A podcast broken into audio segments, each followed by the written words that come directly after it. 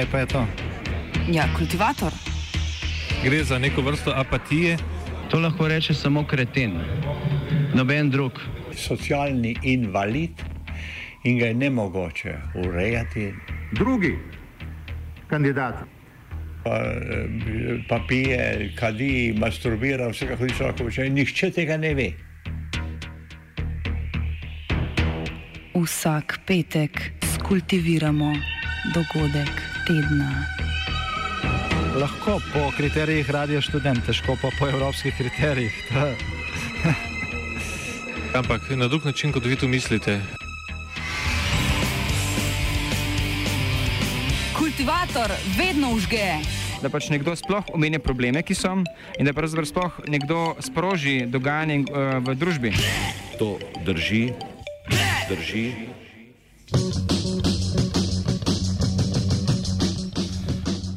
Upravno sodišče je sredi tedna odločilo, da bo blokiralo odločitev Agencije za komunikacijska omrežja in storitve Republike Slovenije AKOS o odzemu frekvenc mobilnemu operaterju Telemah. Po odločitvi AKOS-a bi Telemah 30. septembra ostal brez frekvence 2x5 MHz v frekvenčnem pasu 2100 MHz. V mestnem času pa bi že bil objavljen javni razpis o podelitvi te frekvence, o čemer je bila tudi že obveščena vlada. Ako se sicer predvidel možnost najema frekvenc, ki bi Telemahu omogočil prebroditev obdobja, ki bi sledilo morebitnemu neuspehu na razpisu, a se po odločitvi sodišča mora Ako sedaj ustaviti vse dejavnosti na tem področju.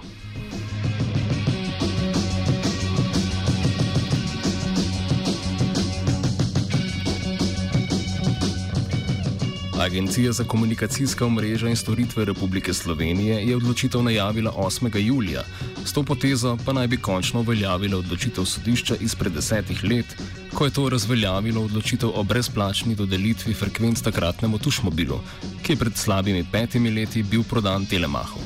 O omenjeni do dodelitvi, ki je potekala v sumljivih okoliščinah, še vedno poteka sojenje, potem ko so se kmalo po sklenjenem poslu začeli pojavljati očitki o korupciji.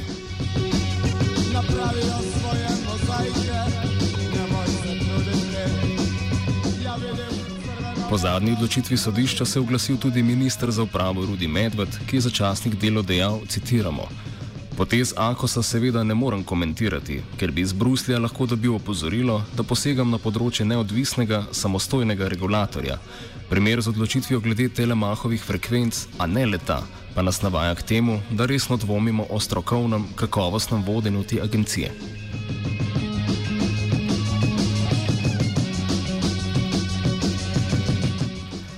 Medved je v intervjuju, ki bo v celoti šel jutri, dodal, da je, citiramo, Akos ministrstvo stisnil v kot z izklicno ceno za dražbo oduzetih frekvenc mobilne telefonije družbi Telemah. Gradivo, ki so ga nam poslali, je bilo tako nekonsistentno, da ga ni bilo mogoče poslati v vladno odločanje. Vrnili smo ga z napotilom, da ga ustrezno popravijo. In kaj smo dobili? Pojasnilo, da bi bilo odločanje vlade v tem trenutku brezpredmetno, saj je upravno sodišče zadržalo izvajanje postopka javne dražbe.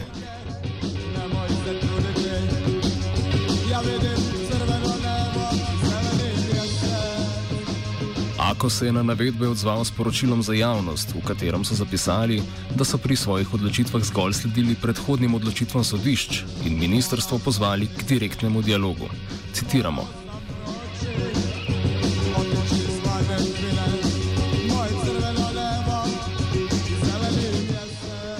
Ministrstvo do objave današnjega članka v časniku Delo agencije ni obvestilo o nekonsistentnosti predloga izklicnih cen.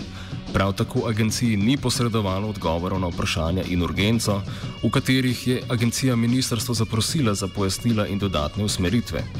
Ministr za javno upravo Rudi Medved naj bi bil kritičen do vodstva agencije tudi zaradi odnosa do sveta agencije, ki z marsičem ni seznanjen, naprimer ni bil seznanjen z odločitvijo o telemahu. V zvezi s tem agencija pojasnjuje, da svet agencije po zakonu o elektronskih komunikacijah nima pristojnosti odločanja ali nadzora agencije v konkretnih postopkih. Vsebinske odločitve v konkretnih upravnih postopkih, kar odločitev v zadevi Telemah nedvomno je, zato niso zadeve, s katerimi bi agencija seznanila svet agencije. Iz vsebine članka, v katerem je omenjeno tudi poročilo o nekaterih postopkih agencije, ki ga Ministrstvo za javno upravo pripravlja za vlado, je mogoče sklepati, da ima ministrstvo oziroma minister konkretne pripombe na delo agencije oziroma vodstvo agencije. Agencija ob tem povdarja, da do danes z njimi ni bila seznanjena. Konec citata.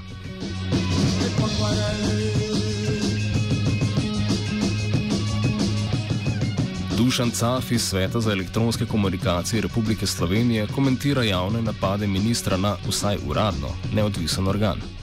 Mislim, da, je, da se pritiski strani politike na neodvisnega regulatorja uh, neprimerni in tudi prakse uh, recimo, sodišč uh, po Evropi in Evropskega sodišča kažejo na to, da v primerih, ko recimo vlada poseže in razreši direktorja, predsednika sveta agencije, da v takih primerih um, zadeve na sodiščih padejo. Se pravi, Evropska unija ščiti neodvisnost uh, regulatorjev in tudi predvsem uh, vodstvo regulatorjev, tako da ti pritiski so uh, nekako v nasprotju z temi načeli delovanja uh, evropskega prava na tem področju. Naivno bi bilo seveda pričakovati, da bo Akos imun na politiko. Sedanja direktorica Tanja Muha je bila imenovana strani bivše vlade Mira Cerarja, že od samega začetka pa se spopada z očitki o tem, da nima ustreznih kvalifikacij in da je bilo njeno imenovanje na to funkcijo politično motivirano. Muha je sicer že preživela afero okoli spornega podeljevanja frekvenc 5G podjetju BTC, zaradi katere je v omenjeni firmi bil primoran odstopiti nekdani ministr za upravo Boris Koprivnikar. Cah pojasnjuje, da bi bilo za pravo neodvisnost regulatorskega telesa treba spremeniti zakonodajo, ki zadeva imenovanje vodstva. Pod vsako se direktorja v bistvu imenuje vlada na predlog ministra in uh, ta postopek je takšen, kot je. Ne, zdaj, ne glede na to, da bi imenuje vlada, pa ga vlada ne, ne bi smela razrešiti, razen pod zakonsko določenimi pogoji, ki pa v tem primeru niso izpolnjeni. Namreč to, da recimo se učita nestrokovno delo ali pa recimo, da se učita nekompetentnost direktora, ne, to niso razlogi za, za razrešitev. Se pa seveda pod vprašaj postavlja delovanje politike, ne, ki takšne ljudi uh, nastavi. Ne, se ta primer ni samo za AKO, se tudi za AVK. Zato pa v teh razpravah okoli regulacije ne, je, je v bistvu rešitev za to, da se uh, popolnoma spremeni upravljanje regulatorjev uh, v večini evropskih držav je upravljanje tako urejeno, da regulatorne odločitve sprema nek svet, običajno petčlanski, uh, in potem ta svet uh, je tisti, ki sprejema odločitve, direktor pa potem izvaja odločitve tega sveta. Um, potem, recimo, v svetu, ki sprejema odločitve, lahko neko. Zagotoviš neko neodvisnost, ne še posebej, kadar uh, je kultura v državi dovolj zrela, ne, da se noter ne imenuje samo uh, predstavniki ali pa tisti strokovnjaki, ki so bliže eni stranki, ne, ampak se skuša ali zagotoviti dejansko ne strankarske ljudi ali pa uh, recimo, da tudi lahko opozicija predlaga, kot ima recimo v, v Ameriki. Ne, to je ta varovalka. Ne, drugače pa varovalki ni, ne, drugače pa uh, so nenehni problemi v tem s to neodvisnostjo. Tokratna afera okoli podeljevanja frekvenc ima dosti daljšo brado. Pričela se je že leta 2006, ko je AKOS, takrat poznan še pod kratico APEC, upisal tušmobil v registr operaterjev elektronskih komunikacij. Istočasno je AKOS ameriškemu podjetju Western Wireless International, ki se je predtem poskušalo prebiti na slovenski telekomunikacijski trg s tržno znamko Vega, dal soglasje za prenos odločbe o dodelitvi radijskih frekvenc in številke NIT 7 na tušmobil.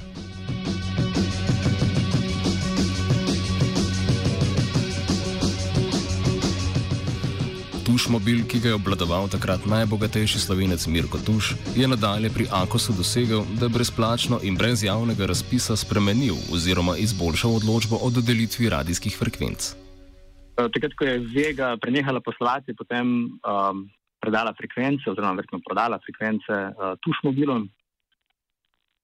Uh, Tušmobil je potem uh, pričel poslovanja, spolnjenja storitev nekaj kasneje ne, in del teh frekvenc je zamenjal za ugodnejše. Torej, dobil je 1800 uh, frekvence v 1800 MHz pasu in del frekvence je zamenjal za 900 MHz in kasneje dobil od Akosa še frekvence v uh, te UMTS frekvence v 2100 MHz pasu, ne, oziroma 1900. Uh, zdaj podjetja, ne, spravi tukaj so predvsem dve, ne, uh, Mobitel in uh, takrat Cimobil, uh, pa tudi te navidezni uh, mobilni operaterji ne, so seveda nasprotovali odločitvi uh, za prenos frekvenc. Zdaj, prenos frekvenc, um, ta je seveda, po mojem, je bil manj, manj sporen. Sporna je bila verjetno zamenjava frekvence 1800 na 900, ker so 900 MHz um, frekvence omogočajo boljše pokrivanje, ne, niže, niže stroške. Tako da tukaj seveda uh, ta zamenjava frekvenc je bila uh, sporna in to so tudi uh, operaterji v bistvu, uh, izpostavljali.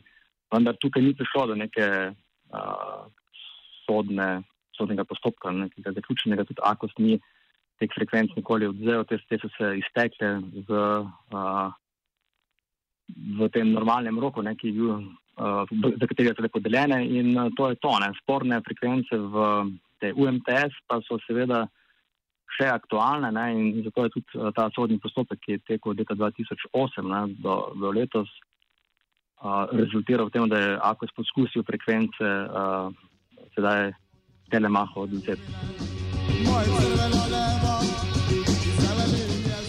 Kot je že izpostavil CAF, so pri Tušmobilu zelo dobre odnose z javnim regulatorjem unovčili še leto kasneje, ko so se edini prijavili na javni razpis, ki ga je AKOS pred novoletnimi prazniki objavil v uradnem listu, ne pa tudi na spletni strani. Brez konkurence direktorju Akosa Tomažu Simoniču ni preostalo drugega, kot da je aprila 2008 izdal odločbo, ki je radijske frekvence UMTS in njihovo uporabo dodelila Tušmobilu. Ta podelitev frekvenc za UMTS je bila speljana uh, pred prazniki, ne, bilo je objavljeno uradnem listu, čeprav je bila praksa, ne, da se zadeve objavljajo na spletni strani in tudi večina operaterjev spremlja na spletne strani, ne pa več uradnega lista. A, in tako so naredili neko mahinacijo, ne, to se vidi. Ampak zdaj treba povedati, da tista podelitev, razen te uh, objave, ki pač ni bila v skladu um, s pravili, ki jih je Ako sam sprejel, ne, uh, je bila v skladu z zakonom. Ne, sprej, zakon je uh, dopuščal tak način podeljevanja. Je pa sporno to, ne, da zakon je dopuščal, v bistvu, pod narekovaj, brezplačno podelitev. Zdaj, to je pa seveda problema, ne? ker če ti um, enim podjetjem, ki upravljajo isto dejavnost, uh, prek frekvence drago zaračunaš, drugim pa jih podeliš pod ugodnejšimi pogoji, potem je seveda to um, izkrivljanje konkurence na, na trgu. Tukaj ta vidik, recimo, uh, niti ni bil toliko izražen ne, v teh sodnih postopkih, ki so se um, pač držali zakon o elektronskih komunikacijah, ne pa teh drugih zlorab, ne, ker jih je državni organ v bistvu uh, izvajal. Ta, ta oblika zlorabe ne, je v bistvu še, še hujša, ne, ker državni organ se odločitev poseže v delovanje uh, na trgu.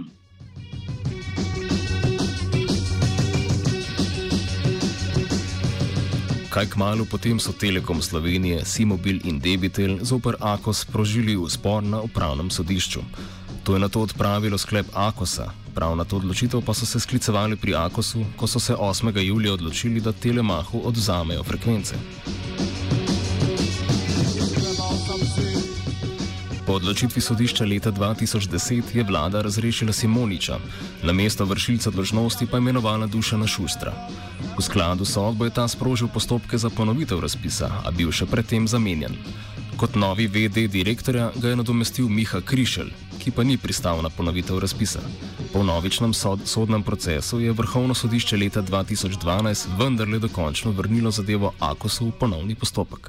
Pravnomočno je zadeva padla, torej ta podelitev je pravnomočno padla in Akos bi moral nekaj ukreniti. Ne. Lahko bi ukrenil že prej, ne to sem jaz takrat pisal v teh svojih blogih, da bi Akos lahko že prej Ukrajino, ko so bile že prve sodbe uh, znane, ne, ampak je pač se odločil, da tega ne bo naredil. Ne. Zdaj, verjetno se je tako odločil, tega, da, da se je izognil odškodninskim tožbam. Uh, zdaj, ko je bila pravno močna, ne, zdaj, recimo, ni bilo neke variante za odškodninsko tožbo, ne, ampak uh, kot vidimo, je um, Telemak uspel na upravnem sodišču uh, zaustaviti uh, postopek odvzema frekvence.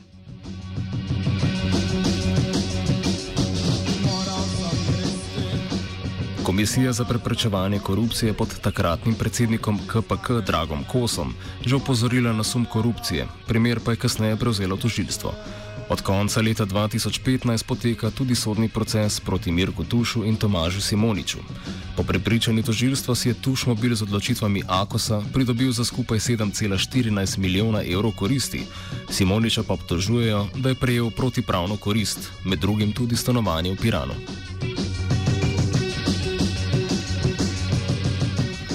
Akos ima uradno sicer avtonomijo pri podeljevanju frekvenc, smernice pa mu določa vlada. Slovenski regulator se je dolgo opiral liberalizaciji trga, tako je naprimer Mobitel ohranjal monopol na trgu mobilnih komunikacij vse do leta 1999, ko se je na trgu pojavil Simobil. Zdaj, frekvence se podeljujejo v frekvenčnih blokih, recimo 2x5 MHz, pa 1x5 MHz. Um, pasovi, ki so namenjeni nekim storitvam, se določijo na mednarodni ravni, na, na, na ravni mednarodne zveze za telekomunikacije.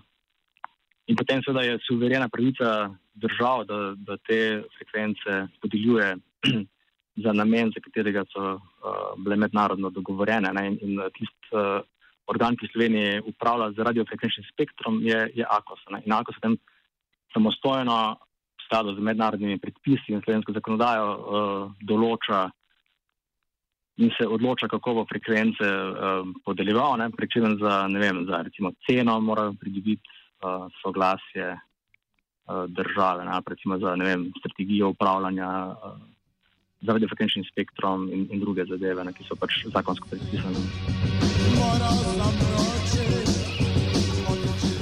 Telemah je Tušmobil in pripadajoče frekvence kupil pred slabimi petimi leti, potem ko je mobilni operater zašel v težave skupaj s preostalim Tuš Holdingom, ki je zrasel na malo prodaje v velikih trgovskih centrih v začetku stoletja. O tem, kako je Mirko Tuš dolgo veljal za pravo zgodbo o uspehu, novinar spletnega portala Seoul.net Primoš Cirman. Mirko Tuš je vrsto let imel sloves zgodbe o uspehu, torej tiste prave podjetniške zgodbe, ki je nastala iz nič, njegov um, imperij ni nastal z nekim lastninjem nekega družbenega premoženja ali kakšnimi malverzacijami, ampak enostavno na prelomu osamosvojitve je odprl prvo trgovino, mislim, da v slovenskih konicah in potem je pač ta njegova mreža rasla in rasla. In na neki točki je potem um, zrasla do te mere, da je postal eden od treh največjih trgovcev in to ga je premamilo za ulaganje v druge dejavnosti, kar ga je na koncu tudi um, močno udarilo nazaj, kajti bolj ali manj vsi njegovi izleti v dodatne dejavnosti so se izkazali za um, slabe poslovne odločitve, predvsem tukaj telekomunikacije. In um, hkrati so potem ti uh, računi za mogoče nepremišljene poslovne odločitve uh, prišli ravno v času krize, ki je se rodila tudi po trgovski dejavnosti. Potem je bil tukaj še prihod diskontnih trgovcev in kar naenkrat je bil tuš za banke problem. Saj je imel trimestno število uh, milijonov dolgov.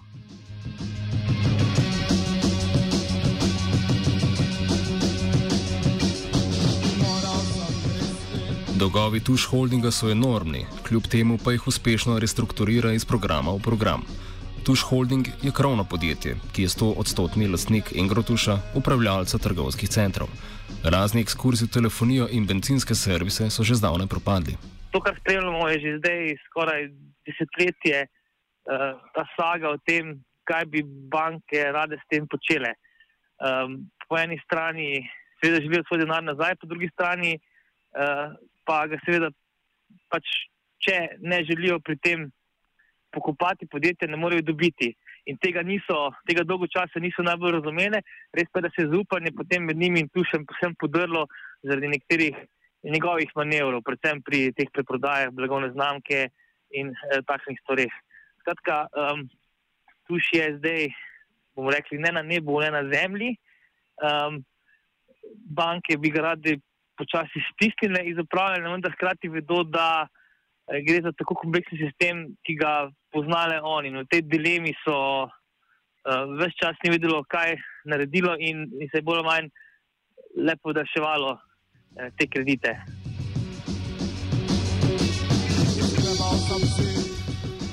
Mirko Tuš je po hudi kolesarski poškodbi, za katero še ukreva v Braziliji, sicer vodenje podjetja predal sinu Andražu. Ako se vrne, ga še vedno čakajo sodni, sodni postopki in dolgovi doma ter, če je verjeti nekaterim navedbam, premoženje v davčnih oazah. Kultiviral je Antun.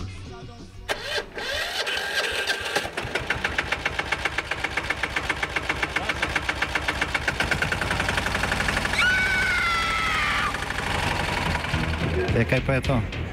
Ja, kultivator. Gre za neko vrsto apatije. To lahko reče samo kreten, noben drug.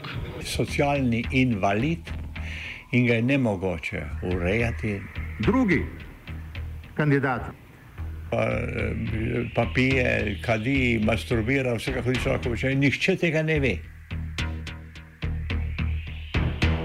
Vsak petek skultiviramo dogodek tedna. Lahko po kriterijih radio študent, težko pa po evropskih kriterijih. Ampak na drug način, kot vi tu mislite. Kultivator vedno užge. Da pač nekdo sploh omenja probleme, ki so, in da pravzaprav sploh nekdo sproži dogajanje uh, v družbi. To drži, drži.